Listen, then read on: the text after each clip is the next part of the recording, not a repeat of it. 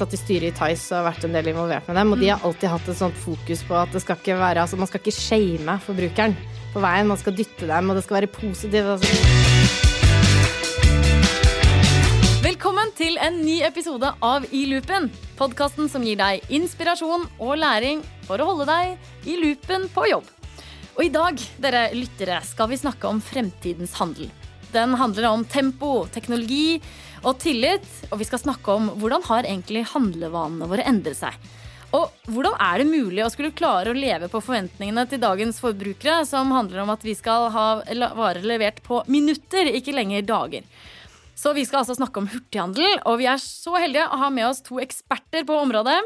Ved siden av meg her sitter Elisabeth Marie Myhre, daglig leder i Fodora, og også vinner av E24-kåringen i fjor, da hun ble årets organisasjonsutvikler og var andreplass på eh, årets ledertalent. Så det er virkelig kult å ha med deg her, Elisabeth. Velkommen. Tusen takk. Og ved siden av deg, Britt Myrseth, vår egen fantastiske bransjeekspert på handel. Velkommen, Britt. Tusen takk. Vi eh, må jo nesten snakke litt om Fodora først. Eh, for det er kanskje noen som tenker at dere bare leverer mat, eh, Elisabeth. Kan ikke du si liksom, kort en liten pitch om hva Fodora er? Absolutt.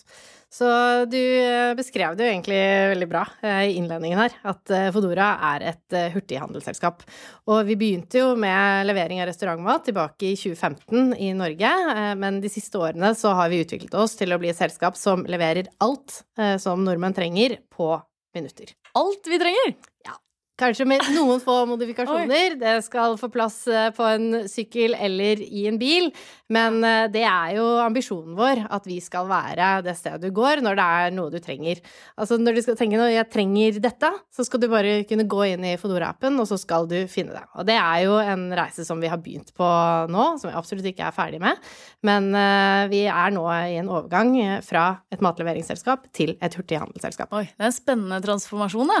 Altså det er liksom alt du kan få på et kjøpesenter, kan vi liksom gå inn på Fodora-nettsiden og så få levert hjem. Ja, og det er jo et slags eh, digitalt uh, kjøpesenter. Uh, vi er jo også i en prosess der hvor vi utforsker muligheten for å gjennomføre pakkelevering, der hvor du også kan da velge Fodora som et leveringsalternativ inne uh, i en butikk. Ja, sånn, ja. Så det er ikke bare inne på Fodora-appen, men du skal også kunne bruke vår levering og få det da levert hjem på minutter i vanlig netthandel. Det er fremtiden. Mm. vi skal jo snakke mye mer om hva dere gjør, eh, men først så er det fint å få liksom det liksom store perspektivet, Britt, på eh, hva som skjer i handelsnæringen og, og blant eh, konsumenter og forbrukere. Så kan, hvis du kan gi oss litt store bilde. Det skal jeg gjøre. Jeg syns det var utrolig interessant strategi. Alt du trenger eller alt du har lyst på. Eh, og det er jo en av de store tendensene som vi ser, at vi som forbrukere tenker kanskje mer value for time enn value for money. Eh, for vi på en måte er veldig bevisst hvordan vi bruker tiden vår. Mm. Og hvis vi tar liksom bare to-tre to, forbrukertrendere som vi har sett har endret seg ordentlig siste tiden, så er jo dette her med slow living. Det at vi på en måte gjennom pandemien tok, tok liksom pauseknappen på hvordan vi ønsker å leve livene våre, og ble litt sånn bevisst på hvordan vi bruker tida vår, rett og slett. da. Ja. Ergo det er her det kommer inn dette her med value for time, value for money. Ja. Eh, og så er det jo dette her med, med selvpleie og, og, selvfølgelig bærekraft. Så vi på en måte endret litt atferden vår gjennom pandemien, og det tar vi liksom med oss nå videre. Og hvis vi ser hvordan dette da påvirker retail-trendene, så er det et par-tre eh, interessante ting å ta med seg. Mm. Eh, og det første er jo selvfølgelig bærekraft.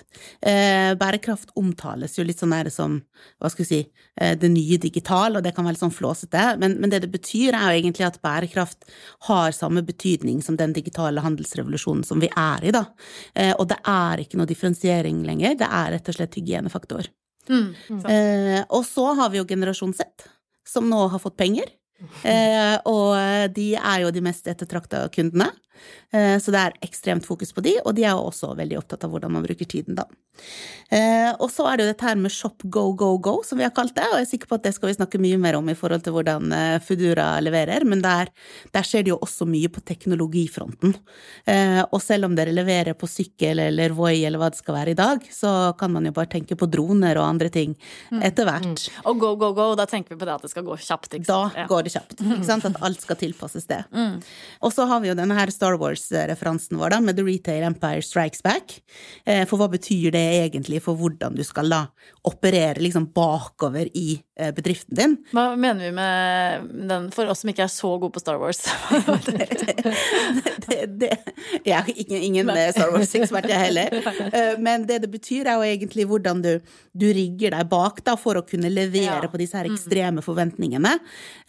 Og, og hvordan du organiserer, da. Og da, da sier man liksom egentlig at nå, med teknologien og den innsikten man har, så begynner retail-selskapene ordentlig å reagere, da. Derfor litt sånn strikes back. Ja, og det her kommer jo liksom alt mulig med mikroleveranser og det berømte metaverset som alle snakker om, ikke sant. Mm.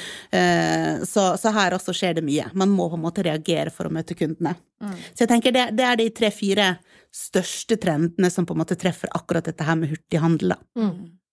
Hva vil det si liksom for eksempel levere så raskt, da, hvis vi begynner å snakke litt om det? Mm. Hva det vil si, og hvordan, hvordan, man gjør det i praksis, når det ikke da er rask levering, men umiddelbar eh, levering. Og, mm. hva, hva, betyr det i praksis eh, for dere, Elisabeth? Altså, det har jo skjedd enormt mye på leveringsfronten på veldig kort tid. Og kanskje for ett år siden så var rask levering at du fikk det dagen etterpå. Og det er jo fortsatt eh, ganske stor utvikling fra da det var en uke frem til der hvor vi er nå, da, der hvor umiddelbar levering Altså du, skal, du forventer å kunne få det levert på eh, bare noen minutter. Mm. Eh, og det er jo Det er klart at eh, det går jo veldig mye på det som Britt snakker om her, med at man er mye mer mindful med tiden sin. Mm. Og det, det, som også var der du har en to timers slott, for eksempel, du må være hjemme ja. eh, og vente i de Det, det ønsker ikke eh, forbrukeren lenger. Og det er jo der eh, et selskap som Fodora Vi har jo pushet grensene for leveringstider helt siden oppstarten i 2015, men det har jo vært på restaurantmatsiden. Så der har man jo allerede skapt en forventning om å få ting fort. Ja. Og i natur så må du på en måte få restaurantmaten din levert eh, veldig raskt. Hvis ikke så mister det hele sin verdi. Mm. Men det som er spennende nå, er at vi kan overføre dette til varehandel. Eh, vi kan gjøre akkurat det samme som vi har gjort på restaurantmat med fysiske varer, og vi mm. kan da levere umiddelbart. Og umiddelbart, da tenker jeg at det tar ca. 30 minutter fra du legger inn bestillingen til du har den på døren. Oi, ja. Og innenfor noen kategorier så går det så fort som på ti minutter. Hæ? Da begynner du også å snakke Men da er det i, uh, inne i Oslo-kjernen. Det er helt klart at ja, dette ja. her er jo betinget at du bor i nærheten av der hvor du eh, kjøper fra. Mm. Men uh, allikevel, du, du, du, skal bli overrasket over hvor raskt noen leveringer uh, faktisk kan skje. Ja. Men altså, hvis vi kan snakke litt om kategorier av varer, da. For Britt og jeg snakket sånn rett før podkasten her om sånn Ja, men trenger man alt på ti minutter? Det er jo ikke sikkert at jeg trenger uh, truser eller eh, ja, noe Jeg vet ikke, det er så ofte man trenger det på ti minutter, men, men eh, dere skal altså kunne levere alt så raskt. Ja, og det, det skal vi. Ja. Uh, men det her er jo en evolusjon. Og du ja. kommer til å starte med noen kategorier og bevege deg videre til andre etter hvert. Så nå, uh, akkurat nå, der vi er i dag, så er det jo dagligvare som er uh, den aller største kategorien, og som mm. er også mest relevant for mennesker å få levert fort. Fordi dette erstatter det impulskjøpene, altså det å gå i butikken og, og, ja, få mm. ting hjem. Da vil du ha det relativt raskt for at det skal kunne erstatte akkurat den kjøpsituasjonen. Vi nordmenn elsker å gå i butikken og handle mat. Vi går fire-fem ganger i uken. Jeg tror det er mest i hele Europa, ja. At ja, det er det antall mm. ganger vi besøker ja. dagligvarebutikken. Eh, og dette her er jo bare midt i blinken eh, for akkurat det. Men vi ser jo også på andre kategorier, og her tror jeg det handler jo om at nordmenn også må få øynene opp for dette tilbudet. At de mm. faktisk kan få det så fort. Hvorfor vente en uke på iPhonen din når du kan få den på et kvarter? Mm. Ja. Så det er, ja, ja. Mm. Det, det er, en del av disse tingene som, som, nå skjer. Og for Fodora, da vi begynte i Norge i 2015, så var det ingen som visste at de kunne få restaurantmat levert fra hvilken som helst restaurant på en halvtime. Det er jo en opplæring også av eh, kundene. Mm. Og vi ser hvordan dette her har slått an i veldig mange andre markeder. Eh, så det er ingen grunn til at det ikke skal komme til Norge. Mm. Og dette her, eh, under pandemien så så vi også at eh, selvfølgelig netthandelen eksploderte jo, men 25 eh, var faktisk nye på nett, og det var ofte de mm. over 60 år. Så en helt ny, en ny gruppe som på en måte ordentlig gleder seg over å få ting levert eh, på trappa. Eh, og så vi har generasjon Z, definitivt, som fortsatt elsker å gå i butikk, akkurat som de sier. Eh, men så har vi jo disse alfaene da, som kommer etterpå, hvor det er Alexa som kanskje har sunget nattasang til dem, og de er helt vant med at ting bare dukker opp på trappa. Mm. Hvilken, har, hvilken, alder er det? Det er de som er født fra 2012 og utover. Ja, så de har ikke penger helt ennå, men de er jo enda mer digitalt native enn en det generasjon generasjon sett uh, har vært, da. Uh, så dette her kommer jo bare til å akselerere. Mm. Og du kan si det som kan være litt sånn urettferdig, da, på at man er så god på å levere til og med på ti minutter, er jo at vi får jo forventning om at alt vi trenger, uh, ikke bare innen handelen, men alle slags tjenester, skal jo bare komme på å benytte, ikke sant. Mm. Eh, så det blir vanskelig å møte de, for, de forventningene etter hvert. Men så tenkte jeg én ting, um, Elisabeth, som du sa uh, i forhold til måter å levere på. Mm. En ting som vi ser spesielt i Asia, er jo dette her med vending machines. Mm. Og at det får en, en renessanse nå. Mm. Men det har på en måte ikke tatt av helt i Norge i forhold til en sånn hurtiglevering, da. altså en automat, liksom? Sånn colaautomat, ja. men på masse annet. Ja. ja, og så tenker jeg liksom, det er jo ikke bare det er jo ikke bare yoghurt eller sjokolade eller brus eller sånn. Vi har jo på en måte til og med eh, de som har venting machines på Lamborghinis og Ferraris, så hvis du har lyst på mm. det hjem fra, fra nachspiel, mm. så kan du få med deg det. Og det er ikke i Norge, men det er i Singapore. ja. eh, så liksom, en vendingmaskin vending kan være utrolig mye, da. Ja. Ja. Eh, det, er det noe som dere har eh, diskutert som leveringsmåte? Nei, det er det ikke. Men eh, det er helt klart eh, Det er vel fordi vi ikke har sett den trenden i veldig utbredt grad, i, ikke i Europa enda, i hvert fall som jeg har fått med meg. Nei. Men det er jo alt er, det, går jo på hurtighet og convenience og hva forbrukeren ønsker. Og jeg tror jo det er et marked for disse vendingmaskinene, men det er jo, det er, da må du begynne å koble om igjen til at det kan være noe større. Fordi ja. når, jeg, når, jeg, hører vendingmaskin, så tenker jeg jo sjokolade, yoghurt og den biten der on the go, som det er høyst relevant for. Men andre større ting er usikker. Mm, men det er vel mange trender som kommer fra utlandet, så hmm, ja, det tar litt tid før jeg har råd til å kjøpe en Lamborghini på vei hjem fra nachspiel. Men jeg tenker på dette her med lønnsomhet, fordi det krever jo helt ekstremt mye av ja, dere og andre aktører som skal levere så raskt. Altså, og mange kritikere vil vel mene at det ikke er lønnsomt, men mm. eh, hva tenker du om det, Elisabeth? Er det mulig, og hvordan?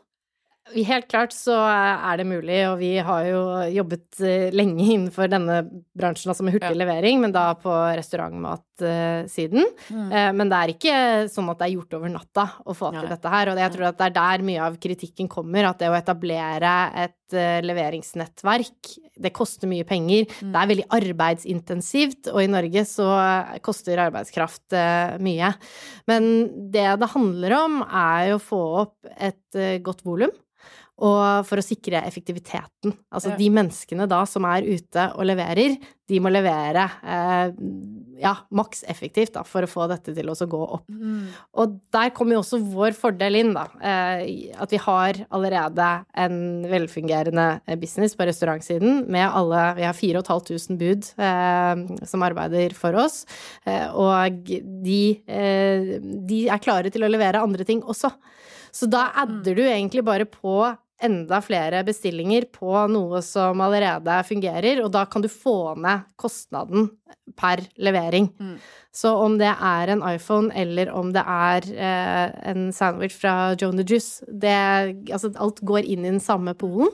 Og da klarer vi også å få det til å gå rundt. Mm. For det er vel det som er investeringen, å få opp dette leveransenettverket. Mm. Det er det som er kostnaden, ikke sant. Og når du har det etablert, så kan du begynne på en måte å utvide. Ja. Mm. Og da kan man bli dette digitale, eller kjøpesenteret som du snakket om eh, innledningsvis, da. Og så er det jo mange spørsmål på hva, eh, eller hvem skal gjøre hva.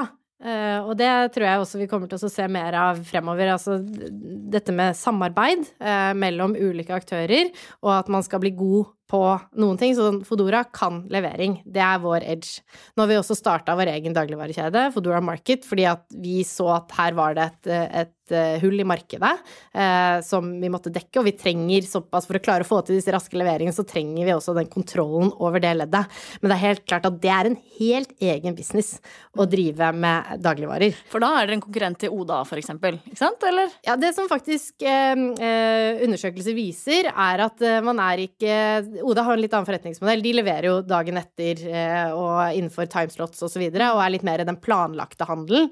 Eh, men undersøkelser viser at man erstatter ikke De er ikke på bekostning av hverandre. Nei, vi, for, vi tilfredsstiller forskjellige eh, occasions da, i, Ja. forbrukerens, i forbrukerens liv. Mm. Ja, for det er litt sånn som for eksempel jeg skulle ha bursdagsfest, og så hadde jeg lagt inn selvfølgelig en Oda-bestilling, ikke sant, med alt av de tunge tingene som jeg hadde liksom planlagt noen dager før, og så selvfølgelig liksom rett før så bare Nei, jeg hadde glemt tonic til uh, GT-en, liksom. Ikke sant? Og, og da sendte jeg jo mannen min. Men da eh, kunne jeg jo ikke sant, lagt inn på Fodora, da. For Exactly. eksempel. Ja. Ja. Mm. Ja, sånn at det, det ser den. Det er ikke direkte konkurrent nødvendigvis, nei. Mm. Nei, men det er altså vi, Hvem vet hvordan dette her kommer til å utvikle seg? Eh, og, og fort så tar man ukeshandelen eh, på direkten på en halvtime og får det levert. Eh, det er absolutt ikke et scenario som ikke vi har, eh, har i våre business caser. Ja. Og vi jobber jo for det. Vi skal jo være, ha et godt sortiment, men enn så lenge så har vi litt mindre sortiment enn for eksempel eh, Oda. Ja. Så mer tilpasset dette eh, instant-behovet, Ja, da. Mm. Men eh, det er 3000 varelinjer, så det er, eh, det er bra, altså. Vi har litt å velge i. Definitivt. Ja. Nei, men også er det jo dette med samarbeid, ikke sant. Og Ja. at, at da butikker eh, Hvis en enkeltbutikk skal starte en egen leveringsflåte. Det er- Da krever det mye for oss å få lønnsomheten og for å få ting til å gå rundt. effektiviteten opp, ja. Jeg tenkte vi kunne ta litt tak i den ene trenden som du var inne på, Britt. Altså bærekraft er jo eh, noe som snakkes om overalt. Og da kan man jo stille spørsmål men er hurtighandel bærekraftig, da? Hvis man skal ha liksom Det må jo bety ganske mye for ja, emballasje og transport. Liksom, eh, hva, hva gjør Fodora for å møte og, og klare å være bærekraftig? Altså, Fodora sin forretningsmodell fra start har jo vært å ha levering på sykkel. Og det er jo noe som vi har dyrket, helt til det kom til et punkt at eh, vi, for å ekspandere videre, eh, måtte levere lengre bestillinger, og vi gikk også inn i mindre steder der hvor det var helt umulig å ha sykkel. Eh, Så vi har begynt å bruke bil, men vi er veldig bevisst på eh, den bilbruken og det fotavtrykket som vi har på klima gjennom eh, bilene. Og vi kompenserer for det, men det er på ingen måte nok. Det er jo liksom sånn det, det Som Britt sa, altså det er mye av dette på bærekraft som er hygienefaktorer. Vi pusher flåten vår over til å bli mer elektrifisert. Men det jeg syns er mest spennende på bærekraftsbiten for Fodora sin del, er at bare nå på noen år så har vi vokst såpass mye at vi har blitt en stor aktør, en, et ordentlig selskap i Norge, som faktisk kan påvirke positivt. Og da ser vi jo dette på emballasje, eksempel. Det er jo ikke vi som står for den. Vi frakter jo noe på vegne av eh, noen andre. Men vi har jo et kjempestort nettverk av partnere som vi kan påvirke i positiv retning. Og på emballasjesiden så er det jo eh, altså nedbrytbar emballasje, men også dette med pant og gjenbruk, som er kjempespennende. Og det er noe som vi ønsker å se nærmere på. Men eh, vi, er, eh, vi har vært litt forsiktige på akkurat det området der, for det er litt sånn med digitaliseringen, ikke sant. Altså man starta med å ansette en chief digital officer uten å egentlig i det hele tatt vite hva det var. Jeg føler det har vært litt sånn tendenser også på bærekraft, at du bare får på plass en, og så gjør man ikke noe reelt. Eh, Men vi ønsker å gjøre dette ordentlig, og har veldig mange planer, fordi vi ser at vi faktisk er i en posisjon til å påvirke. Og så er det jo litt sånn, sånn som vi ser på de bærekraftsprosjektene som vi gjør sammen med kundene våre, og spesielt innenfor handel, så er det jo ikke noe som du kan løse som enkeltbedrift. Ikke sant? Du er nødt for å gå sammen som en bransje og bli enige om på en måte hvordan skal man ha dette med plast, emballasje osv. Mm. Eh, og så er det jo sånn at du kan si at det, til nå så har det kanskje vært nok å ha en sånn bærekraftsansvarlig eller en, en fin bærekraftsrapport som er lagt med årsrapporten din, men vi er liksom litt sånn forbi det nå, for nå begynner på en måte kunden ordentlig å, å følge med. Det er et valgkriterium. Eh, Men det som på en måte må til, tror jeg, i handelen, det er jo å involvere oss som forbrukere i det valget hver dag. Og få oss engasjert og på en måte få oss til å bidra, da. Eh, Og det er noe vi jobber med flere, flere aktører på. Hvordan klarer du på en måte å engasjere konsumenten inn og ta de valgene? For vi går jo da, som sa, fire, fire til fem ganger i uka på butikken. Eh, og hvor mange sekunder bruker vi på å velge en vare? Det er ganske få, Ja. for du går litt sånn på automatikk. Og hvordan får du da til å liksom stoppe opp og ta en, jeg skal ta den istedenfor den? Eh, og der kommer jo teknologien inn, da. Ikke sant? Um, altså på, på, bærekraft så er det jo liksom mange aspekter. Klima er jo uh, lett å tenke på, vi kan snakke litt om helse nå straks. Men, men det er jo også noen utfordringer uh, i bybildet, da, med syklister som uh, tenker man har veldig dårlig tid, og ikke tar seg tiden til å stoppe på rødt lys. Og det, det skjer jo meg selv innimellom, og jeg ser jo også Fodora-leverandører liksom, som, ikke sant? så man blir pressa på tid. da. Det er jo noen utfordringer der med hvilken aktør man er i bybildet, og hvilken kaos det kan skape da, med mange mm syklister som eksempel ikke følger trafikkreglene. Og jeg skjønner jo at det, det, er jo den sitt ansvar, men mm. hvordan uh, jobber dere med sånne større spørsmål? Men det er jo også noe som har kommet i enda større grad jo større vi har blitt. Så det er mm. klart med 4500 bud så begynner det å bli eh, synlig på en helt annen måte. Vi har alltid jobbet med å utdanne budene våre på trafikksikkerheten, og det er, vi stiller krav til det, men det er jo et kontinuerlig arbeid. Og vi jobber også sånn at det skal ikke være tidspress. Altså det skal ikke være sånn at syklistene må sykle på rødt lys for å rekke å gjennomføre mange nok leveringer for at vi skal være effektive. Det er ikke lagt opp sånn på en i det hele tatt. Nei, nei. Men det vi ser nå, er jo at vi, vi, har tatt initiativ til flere samtaler med kommuner. Både med Drammen har vi gjennomført en samtale for å se på hva kan vi gjøre for å tilpasse bybildet. At dette fins, dette mm. er der. Ja, Disse ja. budene er der, og de, det kommer ikke til å bli færre uh, av dem fremover. Og de mm. kommer med bil, og de kommer med sykkel. Og hvordan skal vi klare oss å tilpasse dette på en god måte? Ja. Og vi skal ha et møte med Oslo kommune, vi snakker med Vegvesenet. Det er fortsatt litt i støpeskjeen, fordi ingen har helt svarene. Men igjen, da dette med samarbeid er så viktig, mm. istedenfor å bare ta opp hånden og nei, dette her funker ikke, klage på det, så må vi finne ut hva er veien fremover. Og det mm. begynner vi nå, eh, og så ser jeg konturene av, da. Mm. Jeg har lyst til å ta opp også noe som vi skal begynne å gå opp inn mot liksom kundeatferd og hva man egentlig, hva folk ønsker, sier de ønsker, og hva de faktisk ønsker. Og det har vi snakket om, eh, Britt, hatt deg i podkast før, ikke sant? Det der med at uh, kundene ikke nødvendigvis uh, gjør som de sier. Kan du si litt om det innledningsvis? Ja, først så må jeg si det at det vi har blitt flinkere, altså. Ja. Uh, på å faktisk etterleve det vi sier at vi er, men det er nok fortsatt litt sånn at vi gjerne vil være Instagram-versjonen av oss selv, ikke sant, eh, og fremstå som at dette har vi fokus og kontroll på, og så når det kommer til stykket, så, så er det ikke sikkert vi velger sånn likevel. Eh, og der har vi en fantastisk evne til å på en måte eh, sjalte bort det som ikke er oss selv, for eksempel. Det kan være litt sånn banale ting som at det, jeg har ikke kjøpt flyreise på to år. Se, se, så flink og bevisst jeg er.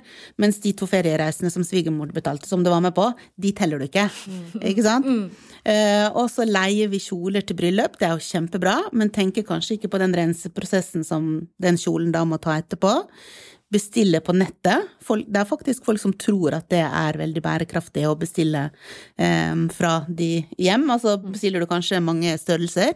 Ja, Også den returprosessen er kanskje ikke så bærekraftig. Nei, uh, så det er et eller annet med å, se det litt sånn store bildet, da. Uh, hva slags tilleggsbevegelse er det dine handlinger faktisk fører til? Mm. Og det er det store bildet eh, som vil redde verden. Ja, ikke sant. Så, mm. ja. Og da er det jo gøy å høre liksom hva dere har sett eh, mm.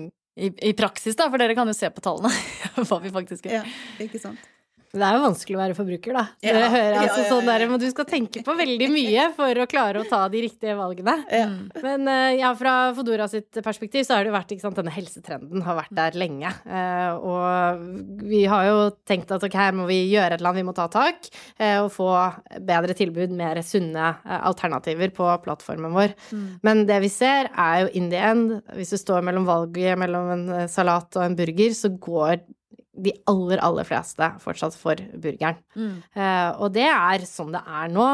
Men jeg tror jo også da, gitt at det er så vanskelig å være forbruker, mm. så må jo bedrifter, og det er det som blir en forventning, altså ta et større ansvar. Mm. Og der skjer jo vi masse som vi kan gjøre, men igjen er vi veldig avhengig av partnere. Som, altså at vi får et bedre tilbud med bra mat på plattformen som ikke er bare den kjedelige salaten, men altså det ser mer fristende ut. Vi må jobbe sammen, og hvordan kan vi skape dette og gjøre dette mer fristende, sånn at du ikke nødvendigvis tar valget mellom sunt eller usunt. Du tar bare skal jeg velge dette som er godt, eller dette som er godt. Mm. Det må jo vi gjøre sammen.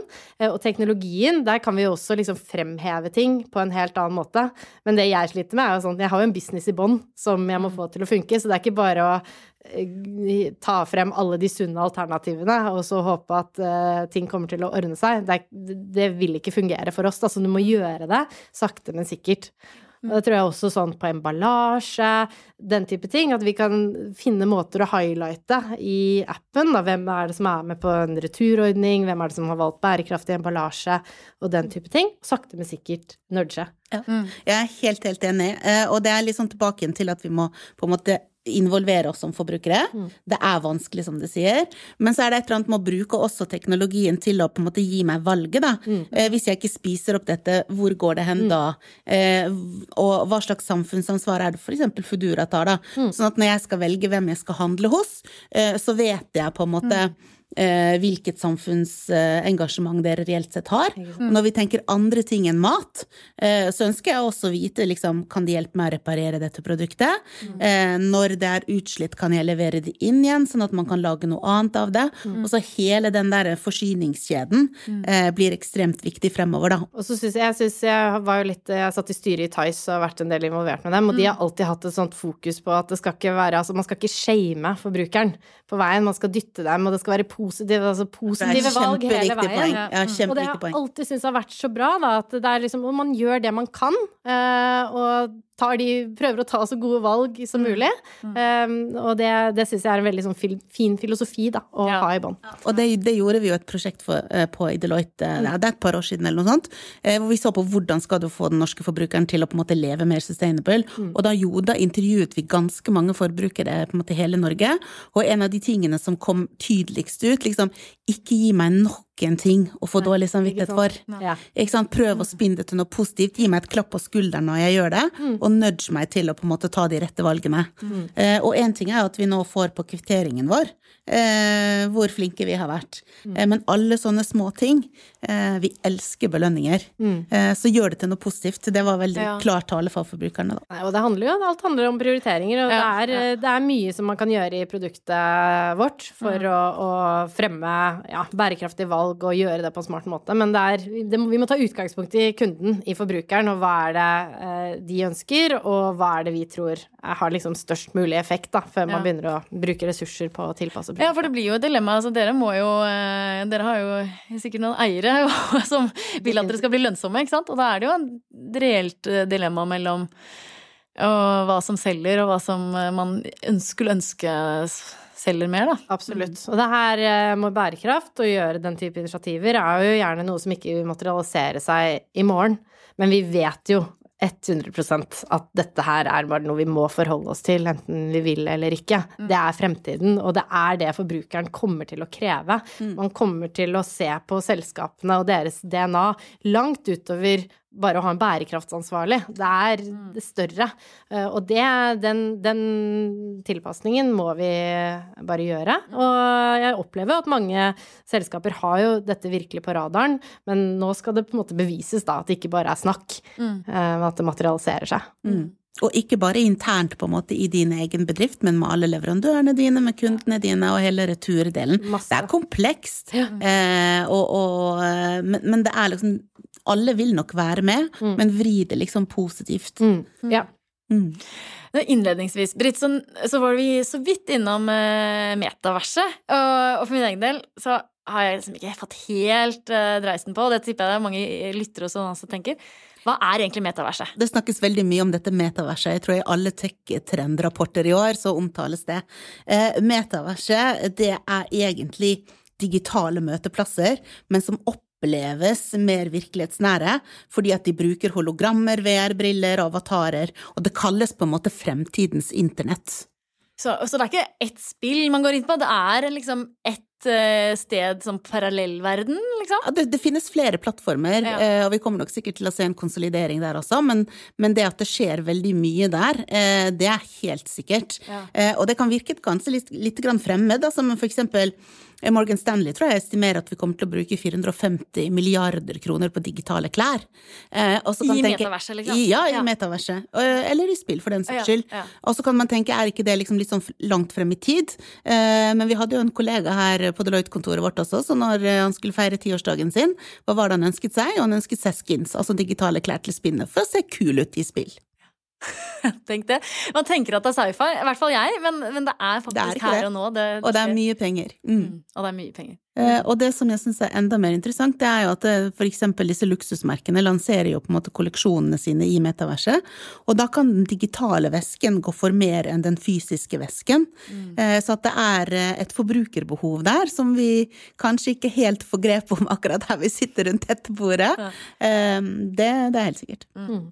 Er det noe mer liksom, kult innen teknologi som, som, vi, som, dere tror kommer til å påvirke mye, som vi, vi ikke har vært innom ennå? Jeg tenker jo at det, det, alt handler om nå, som på en måte ingen kan få nok av, det er jo innsikt. Mm. Forbrukerinnsikt. Mm. Eh, og veldig mange handelsbedrifter samler jo inn masse informasjon om kundene sine. Eh, og det er jo én ting, men hvordan får du brukt det? Ja, Uten at det blir liksom creepy, at det blir liksom for nært, da. Mm. Eh, men, men, innsikt er liksom nummer én. Hvordan kan du skaffe deg det, og hvordan kan du levere en, en ekstraordinær opplevelse, da. Mm. Og den trenger ikke om å være superfancy. Eh, den kan være enkelt å få den der perfekte salaten eller burgeren eller hva det er, når du trenger det. Kan være en fantastisk opplevelse. Mm. mm. Eh, men dette med innsikt er vel nummer én, tenker jeg. Jeg er enig i det. Jeg tror det er, det er virkelig Det er så mye gull, da, som ligger der eh, i all den innsikten, så det gjelder jo bare å bruke det på, på, riktig måte. Og kundene forventer jo også mer personalifisering, og det gir jo en bedre opplevelse for dem, mm. men da finne den balansen mellom å ikke bli for ja, mm. for nær. nær ja. Ja. ja. Mm. Og så kommer det jo sikkert til å se mye på levering. Altså droner eh, må jo skje i takt med reguleringer, eh, selvfølgelig, da, men droner og autonome kjøretøy og sånn, det blir jo sikkert eh, annerledes å få en Fodora-leveranse om ja, vi skal, teste, vi skal teste Jeg er litt usikker på akkurat tidslinjer, men i løpet av 2022 så skal vi teste robotlevering ja. eh, i Norge. Det har allerede blitt kjørt noen tester i andre markeder eh, som virker vellykket. Eh, og så er det jo mye tester på droner også, men ligger, droner ligger langt frem i tid. Men, men altså, var, altså, robot er da autonomt kjørt, ja, kjøretøy? Ja, så du har da en, en, liten, ja, en liten robot eller et lite kjøretøy da, som der du plukker opp maten din fra restauranten og kjører ja. dit du skal. Cool. Så det, det, fungerer jo Det er jo visse begrensninger, selvfølgelig. Mm, på, ja. Det må være korte avstander, og det er jo en del sikkerhet eh, rundt dette. Men vi må begynne et sted. Vi må teste. Mm. Uh, så det er eh, absolutt en del av fremtiden. Og en av de undersøkelsene som, som vi har gjort, er jo liksom hvordan ser eh, si det perfekte retail- eller handelsselskapet ut, da. Mm. Eh, og egentlig det kan brukes på alle typer selskaper, men da pleier vi å si at det, det er liksom den magiske kombinasjonen mellom det som vi kaller hot, warm and cold bodies. Eh, og så kan jo det høres litt sånn ut som sånn CSI-krimepisode. Det er det ikke. Men du var egentlig litt inne på det i sted, Elisabeth, i forhold til hotbodies. Det er de som du har ansatt i bedriften din, ikke sant. Eh, og så har du warmbodies, som alle disse samarbeidspartnerne dine, for du kan ikke gjøre alt selv. Og der tror jeg det er utrolig kult å høre at dere er så bevisst på hva er styrken til Foodora, hva er vi skikkelig gode på, og hva kan vi samarbeide med andre på. Hva blir en warm body for eh, da, for eksempel? Det kan være de samarbeidspartnerne som dere har, leverandørene for eksempel, ja, som ja, ja, leverer mat inn. Mm, ja. Og så kommer du til dette her cold bodies, da, og det er teknologien. Mm. mm. Hvordan er det du bruker den? Mm. Og hvordan den brøken er mellom de tre, det er forskjellig fra selskap til selskap, mm. men at eh, bedriftene fremover må bestå av alle de tre, det er jeg helt overbevist om. Vi må begynne å runde av dere. En episode går fort, men eh, jeg hadde lyst til å høre med dere hva dere tenker sånn hvis det er en ting som Hva, hva er det lytterne burde sitte igjen med etter å ha hørt denne episoden her? Dette med rask eller umiddelbar levering, eh, det har virkelig kommet eh, for å bli, og det er noe vi kommer til å se eh, mer av fremover. Så lyttere som har produkter som kan bli levert raskt, burde jo tilpasse seg dette på en eller annen måte, fordi kundene virkelig kommer til å forvente det. Og det handler også om å det er jo det er ikke bare leveringen i seg selv, men det er hele leveringsopplevelsen. Å klare å gjøre det på en god måte, sånn at uh, også de som får ting levert hjem umiddelbart, sitter med den kanskje godfølelsen som man får når man går i butikken og har en hel opplevelse rundt det. Jeg ser det veldig godt på restaurantsiden, hvem som lykkes bra der, å skape en opplevelse, og det er ingen grunn for at det også kan gjelde for varehandel. Hvis jeg skulle plukke et par-tre ting kanskje til, eh, til en retail-leder som eh, mm. forhåpentligvis sitter og hører på, så er jo dette med nummer én, vil jeg si, ha et autentisk fokus på bærekraft. Altså kunden gjennomskuer om det er fake. Eh, det er liksom den viktigste oppgaven. Eh, og så er det et eller annet med å være lært ganske mye eh, gjennom den tiden vi har vært i nå. Eh, bottle the brilliance, som vi sier. Lær av det, ta det med deg til neste krise som kommer, for det kommer jo noe annet. Og sist, men ikke minst, så er det et eller annet med det har vært litt sånn eksamen i ledelse nå de siste årene. Eh, folk følger med, dette er din legacy, så sørg for at du på en måte leder med purpose og empati. Mm. Mm. Og fine ord til slutt. Og mens jeg satt her nå, så kom jeg på et spørsmål som jeg, eh, som jeg helt glemte. Og det var Altså Det er litt sånn by the way da, nå på slutten her, men, men når er det jeg kan eh, handle brukt på eh, Fodora? Kommer det, eller? Når jeg kan liksom, for jeg vil helst kjøpe på Thais og Finn, men jeg bare syns det er så upraktisk å skulle kjøpe fra hver enkelt. Og liksom, der skulle jeg gjerne hatt det hjem på, med Fodora. Det er, eh, det er nok ikke veldig langt unna det heller. For vi har teknologien til å gjøre det. Så her handler det egentlig litt om prioriteringer fra vår side også. Hva kan vi gjøre når, og vi vil sikre at vi gjør det bra. Mm. Men det er jo også i takt med at dette markedet vokser, så er jo det interessant for oss. For alt som vi kan adde på det vi har nå, for å få større volum og mer effektivitet i leveringsflåten vår, er veldig positivt for oss. Og dette er jo et helt åpenbart eh, interessant spor. Ja, det var personlig ønske til slutt. Ja, Ja, Britt. Ja, jeg må bare kaste meg inn, for det var egentlig et helt spot on eh, spørsmål i forhold til generasjon og alt det vi har snakket om. Fordi at eh, Etsy kjøpte jo da denne second hand-plattformen Deep Hop. nettopp for å på en måte nå hele det ønsket da, om å også kunne kjøpe, kjøpe brukt. Men det som er litt sånn ekstra interessant å være obs på, det er jo at 90% av de brukerne faktisk er under 26 år. Mm. Så det kommer jo en hel eh, marked her. Så det var et veldig bra spørsmål, Guro, på toppen der. Ja, Det er det som også er veldig kult å være i den type bedrifter da, som, oss, som også Fodora er, som har et eh, Ja, det begynner å bli flere, flere som er eh, over 40, men generelt har hatt en mer eh, dragning mot de yngre, da. Flere yngre som bruker det, men at de vokser opp og tar med seg denne vanen. Mm. Det er jo det som er kult, og det samme da med alle som, som ja, Tice-brukere som er unge, men de blir eldre, og de kommer til å ta det med seg. Yes. Og en dag så er de så rike at de kan kjøpe en Lamborghini på Fodora. Eller vendingmaskin. eller, ven, eller en vendingmaskin, ja. Nei, men Tusen takk, eh, Elisabeth og Britt, for at dere var med i episoden i dag. Da får vi si som vi pleier, at eh, dere som lyttere må bare sende inn forslag eller eh, ris og ros til oss, gjerne via Instagram eller Facebook på Deloitte Norge. Jeg håper at dere vil tipse noen dere kjenner hvis dere likte episoden i dag. Og så sier jeg som jeg pleier, at vi høres.